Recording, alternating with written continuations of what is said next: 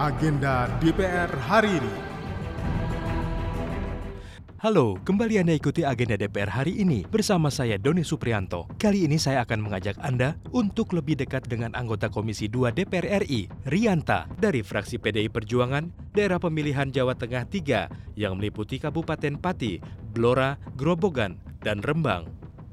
Sebagai anggota dewan, Rianta prihatin terkait nasib petani yang mengalami kendala dalam memperoleh pupuk, mengingat kelangkaan pupuk yang sering dialami oleh petani.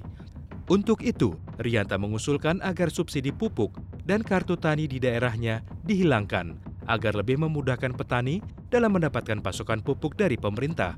Jadi yang pertama itu tentang kelangkaan pupuk subsidi.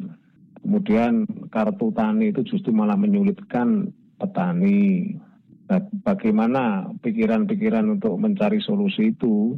Yang pertama, subsidi itu dihilangkan, Kemudian kartu tani itu juga dihilangkan. Kemudian pengelolaannya, kalau dulu penyaluran apa, pupuk binmas inmas itu lewat KUD, di koperasi unit desa itu malah lebih efektif. Sekarang dibubarin pola distribusi itu, ini diserahkan pada swasta. Akhirnya kacau, ada permainan-permainan.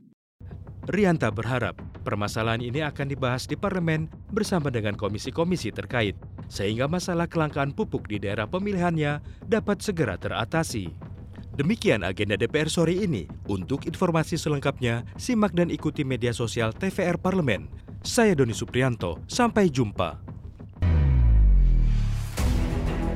Agenda DPR hari ini.